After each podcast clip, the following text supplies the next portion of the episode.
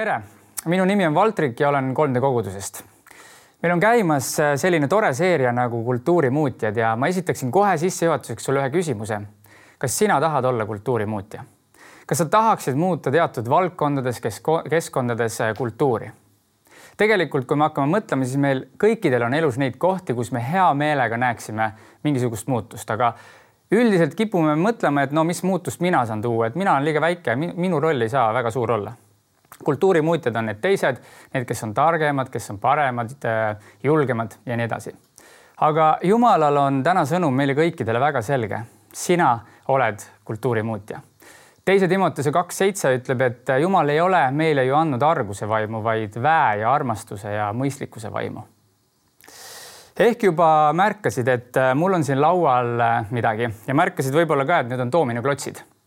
ja kui ma siit esimese rivi niimoodi veerema panin, siis mida me nägime?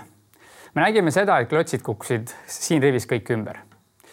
Äh, see tähendab, et äh, kõik klotsid pidid omavahel olema ühenduses ehk nad tegid omavahel nii-öelda koostööd. aga ma küsin, kellel või millisel klotsil oli kõige tähtsam roll, et see kogu rivi võis mõnusalt äh, ümber vajuda? ma ise ütleksin, et minul oli kõige tähtsam roll, sest mina ju panin need veerema aga ma küsin midagi veel, mis oleks juhtunud siis, kui üks klots oleks kukkunud veidi viltu, mitte järgmise klotsi peale? sellisel juhul ei oleks olnud tulemus selline, nagu me just nägime. mida ma öelda tahan, on see, et kultuurimuutja pole mitte ainult see, kes teeb esimese sammu ehk mina, kõige olulisem pole ka see esimene klots, vaid eriti olulist rolli mängivad kõik need klotsid, kes sellega läksid kaasa ehk igal klotsil on oma roll ja täna ma sellest tahakski rääkida. väikse poisina istusin äh, mõnikord äh, tund või kaks tundi sipelgapesa kõrval, vaatasin sipelgaid, äh, kuidas nad toimetavad või siis oma tuttava talus vaatasin lambaid tundide kaupa. igatahes ma olen eluaeg väga armastanud looduses olemist ja armastan loomi ja mulle läheb väga korda looduse hoidmine, mulle läheb korda loomadest hoolitsemine ja see, et on väga palju inimesi, kes tegelevad looduse ja loomade päästmisega viimastel aastakümnetel on tõenäoliselt rohkem kui kunagi varem neid inimesi, kes on olnud selles valdkonnas kultuurimuutjad ja, ja tänu sellele on meil täna maailmas alles neid metsi, mida meil muidu ei oleks, meil on alles loomalikke, mida muidu ei oleks ja nii edasi. või võtame näiteks Rainer Nõlvaku, kelle nimi võib-olla paljude jaoks on võõras, aga paljude jaoks omakorda ei ole võõras eh, selline ettevõtmine nagu Teeme ära kahe tuhande kaheksandal aastal toimusid Eestis koristustalgud äh, Rainer Nõlvaku eestvedamisel, millest tänaseks on saanud üleilmne liikumine. see mees oli alguses Eesti, aga nüüd juba tegelikult kogu maailma mõjutanud kultuurimuutja. tema oli algataja, aga ükskõik kui hea oli tema idee, siis ilma inimeste kaasatulemiseta ei oleks sellest äh, asja saanud ma olen tänulik äh, inimestele, kes algatasid ja on läinud kaasa näiteks riidest kotiga poes käimisele või prügi sorteerimisele. aga ma tahan öelda midagi olulist. näiteks minu mõjutamiseks äh, pole piisanud äh, ühest inimesest, kes räägib, kes käib, tähendab riides kotiga. ei piisa sellest, kui üks väga paljudest minu tuttavatest sorteeriks prügi selleks on olnud vaja mitmeid mõjutajaid, mitmeid neid doominoklotse selles rivis, et see rivi jõuaks lõpuks, see mõju jõuaks lõpuks minuni. ma arvan, et äh, ma pole ainuke, kes on äh, peaaegu kogu oma elu harjunud nii, et äh, õhtul kodus olles käib telekas taustaks, sest alati on ju midagi põnevat sealt tulemas. aga aastaid tagasi juhtus midagi väga huvitavat ma läksin ühtedele uutele sõpradele külla ja mingil hetkel ma kohe märkasin, et seal on nii veidralt vaikne. seejärel avastasin, et neil pole kodus telekat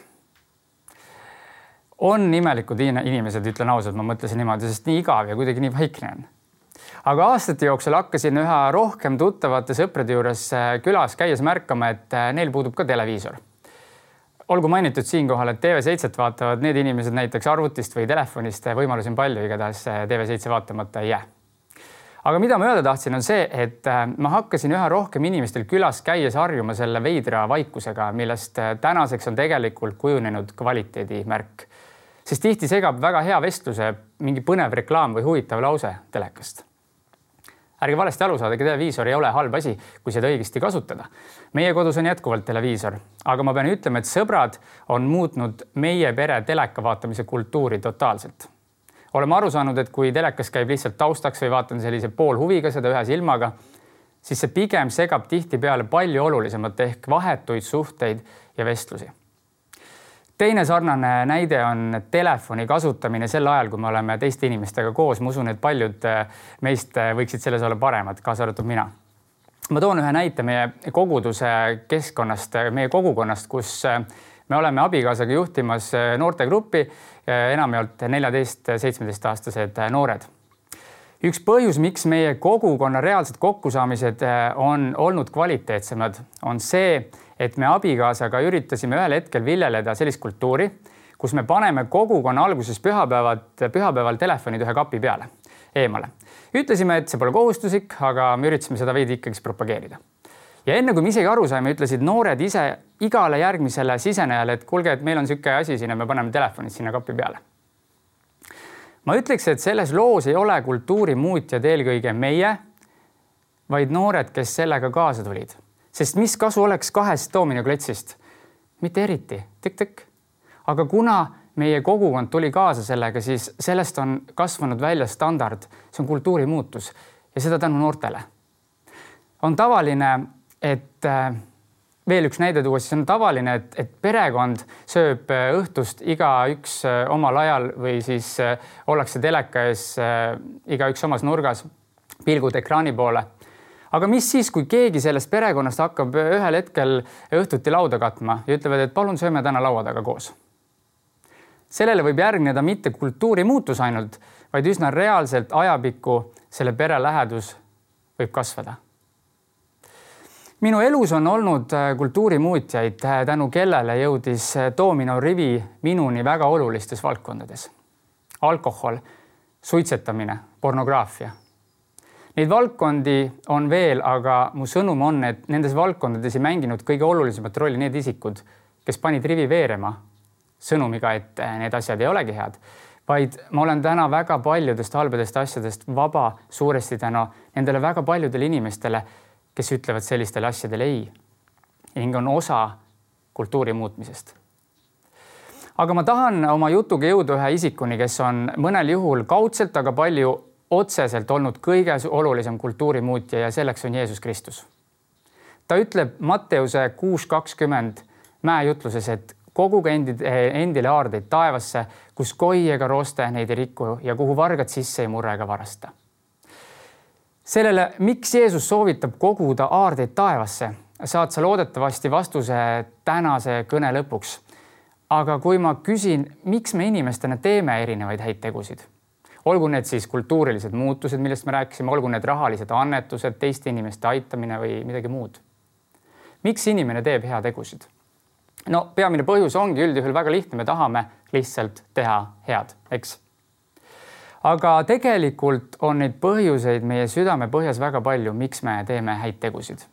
üks väga oluline põhjus, miks inimesed tihtipeale head teevad, äh, on ja tihtipeale ei mõeldagi sellele, on see, et inimesel on soov ennast justkui heastada, taotledes selles hea tegemises mingit moraalset õigeks saamist. siin on aga üks suur aga. ükskõik, millesse sina usud ja ükskõik kui palju me teeme head, teeme seda regulaarselt, väga püüdlikult, siis paljud ei mõista seda, et Jumal ei kaalu meid inimlike standarditega, vaid pühaduse standarditega. ja tõde on see, et omast algatusest ja tegudest ei küündi mitte ükski inimene selle pühaduseni. Jaakobuse kaks kümme ütleb Jumala sõnas, sest igaüks, kes peab kinni kogu seadusest, aga vääratab ühe ainsas asjas, on süüdi kõige suhtes. Jumala silmis on kõik pattu teinud ja jäänud Jumala aust ilma me vajame halastust, sest seaduse järgi mõistab seadus meid viimselt ikkagi süüdi. me lugesime, et me oleme eksinud.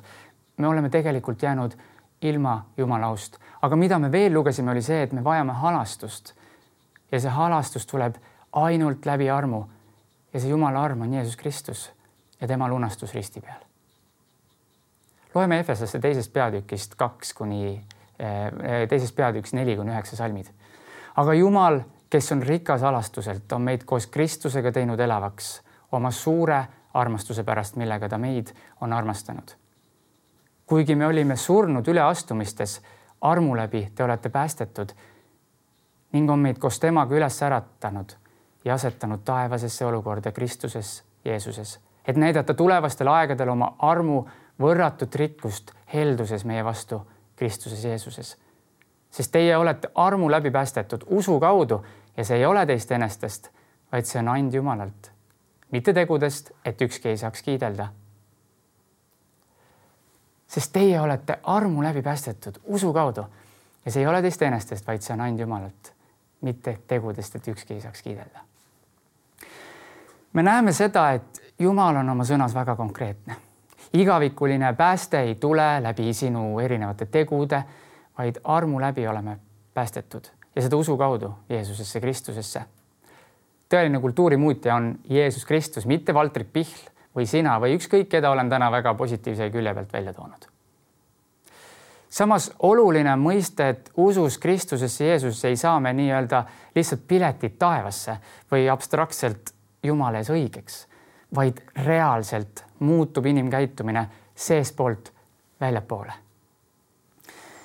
aga kuidas olla siis kultuurimuutja ja seda eriti keskkondades, kus on väga keeruline olla muutuseks, valguseks?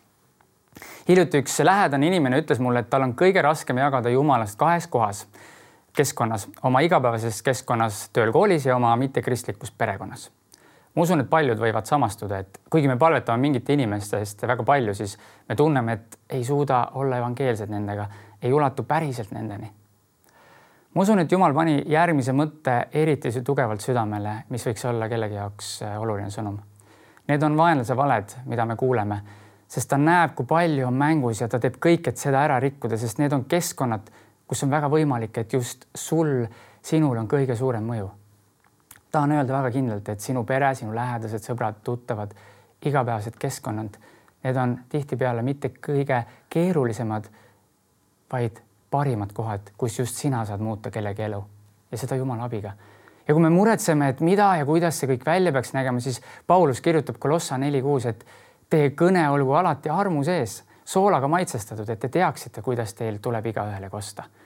see on Jumala usaldamine, tema pühas vaimus tegutsemine, mitte omast jõust me elame täna üsnagi pingelises maailmas, meie ümber on kõiksugu kriitikat, rahulolematust, pingeid Jeesus ei andnud meile, kristlastele, oma kogudusele sõnumit, et äh, me keskenduksime probleemidele. kuigi tegelikult võiksime olla osa selle probleemi lahendusest. Jeesus ütleb Matteuse viis neliteist, teie olete maailma valgus, ei saa jääda märkamatuks linn, mis on mäe otsas. see valgus, millest Jeesus räägib, see on selline valgus, mis sina saad olla, see on selline valgus, mis ei sõltu sellest, kui suur on pimedus sinu ümber, vaid see valgus, kes sa saad olla, see sõltub ainult sellest igatsusest pimedusele võimalikult eredalt paista. Teie olete maailma valgus, ei saa jääda märkamatuks linn, mis on mäe otsas. Armas kogudus, kui ma võtan kätte Jumala sõna, siis ma näen, et Jeesus keskendus alati eesmärgile ja ma kutsun kõiki rohkem kokku hoidma nendel rasketel aegadel, keskenduma mitte probleemidele, vaid lahendustele. ma kutsun üles meid mitte kritiseerima, vaid olema osa lahendusest, mitte olema pinges rahulolematud vaid palvetama Jumala poole. selle asemel, et vaatame pealt, me saame julgustada ja pakkuda lahendusi. nii saame olla kultuurimuutjad Jeesuses Kristuses. Ma tahan jagada lugu, mis on aastate jooksul kui palju mitmeid kordi mulle pisara silma toonud. umbes üksteist aastat tagasi istusid paar noort inimest maha ja ütlesid, et meil on vajadus kogudus luua kuueteistaastased noored, veidi vanemad tulid kokku, palvetasid, panid taskurahad kokku ja nii sai alguse 3D kogudus arvasin, et seda, sellist asja saavad teha ainult vanemad inimesed, et noortel ei ole sellistesse asjadesse asja. aga mis juhtus, on see, et need noored muutsid kultuuri, kultuuri, mida saame näha ja kogeda ka täna, kus kogukonna juhtideks on meil koguduses üha nooremad inimesed, kes võtavad usus vastutust, et teenida Jumalat. ja kui sinu koguduses või kogukonnas on midagi, milles sa tahaksid täna muutust näha, siis küsi endalt, äkki olen mina just üks osa lahendusest kultuuri muutusest. võib-olla tunned, et võiks olla rohkem ühiselt sellist piibli lugemist, rohkem osadusaega, lähedust, palvet, evangeeliumi jagamist. Kui sa tunned, et kogudus või kogukond seisab võib-olla natuke paigal, nii keeruline aeg on ju. ei peaks ootama, et keegi teine, üldiselt juht teeb midagi ära. kui sa näed, et midagi saab muuta, siis on tõenäoline, et see on põhjusega just sinu südames ma mõtlesin sellist asja, et kui täna tahaks keegi maailmas äh, midagi totaalselt muuta, nii-öelda maailma muuta, siis see inimene peaks kokku koguma meeskonna, siis ma olen kindel, et see inimene maailma muutmiseks äh, koguks kokku kõige targemad inimesed. oled sa minuga nõus? arvasin kunagi, et Jeesus valis oma jüngriteks kõige targemad, kõige asjalikumad, armastavad, ustavamad inimesed, kellega nii-öelda maailma vallutada. aga milline on olnud minu šokk, kui ma sain aru, mis veidra seltskonna Jeesus endale kokku kogus. no ausalt ehk Jeesus tegi midagi täiesti loogikavastast, aga mida see näitab, see näitas, et Jeesus oli kultuurimuutja, ta lükkab ümber selle maailma loogika. me näeme selles Jeesuse jüngrite valikus taas Jumala südant, Jumala südant, kes ei näe meid selle järgi, kuidas sina ennast näed, Jumal ei näe sind selle järgi, kuidas maailm sind näeb. Jumal tahtis selle kaudu anda sõnumi, et ta on kõiki kutsunud, kes temasse usuvad. Galaatia kolm kakskümmend kaheksa ütleb, et ei ole siin juuti ega kreeklast, ei ole siin orja ega vaba, ei ole siin meest ega naist, sest te kõik olete üks Kristuses Jeesuses. tahan lugeda veel ühe olulise kirjakoha, mis ma usun, võiks nii mõnelegi eriti tänases kaasa jääda. Jeesus ütleb midagi väga lühidalt, aga midagi väga olulist. Johannese kolmteist kolmkümmend viis, sellest tunnevad kõik, et te olete minu jüngrid, kui te üksteist armastate. alustame kultuuri muutmisega täna oma kogudusest kui sa märkad probleemi või midagi, mis saaks kindlasti parem olla, siis ole algataja või ole osa sellest lahendusest, sest üksinda, nagu me aru saame, ei tee me tavaliselt suurt midagi ära. kui ma vaatan täna Jeesuse südamesse ja peaksin ütlema umbes ühe minutiga sulle lõpetuseks, et milline on siis olla, kuidas, kuidas olla kultuurimuutja, seda Jeesuse eeskujul, siis ma vastaksin lõpetuseks niimoodi. nii nagu Jeesus oma isaga nii palveta ja võta Jumalaga aega ka sina. nii nagu armastas Jeesus oma jüngreid, armasta sina oma kogudust ja inimesi enda ümber. nii nagu Jeesus suhtus näiteks pidali tõbisesse, kellest kõik kaarega eemale läksid, suhtu sina kõrvale jäetud inimestesse. nii nagu Jeesus naisesse, keda kõik tahtsid kividega tema patu tõttu surnuks visata.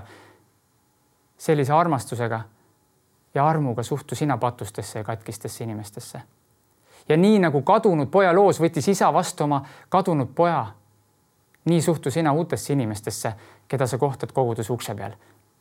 ja nii nagu Jeesus jagas rõõmusõnumit koos oma sõna ja koos tegudega, nii mine jaga ka sina temast rõõmusõnumit. ma tuletan täiesti lõpetuseks meelde seda domino rivi. see on evangeelium ehk tõde Kristusest Jeesusest. see ongi see rivi ja see, kuidas evangeelium levib see doomino rivi on liikunud liikvele pannud inimesi üksteise järel alates Jeesusest ja tema apostlitest läbi kahekümne sajandi. ja see on jõudnud täna ka sinuni. minul ja sinul, meil kõikidel on siin maailmas kasutada üks klots. igaühel on ainulaadne klots, see on sinu isiklik klots. sul on selle klotsiga ainult üks võimalus. küsimus on, kuhu asetad sina oma elu, selle klotsi, kas kaduvasse või kadumatusse 这个呢？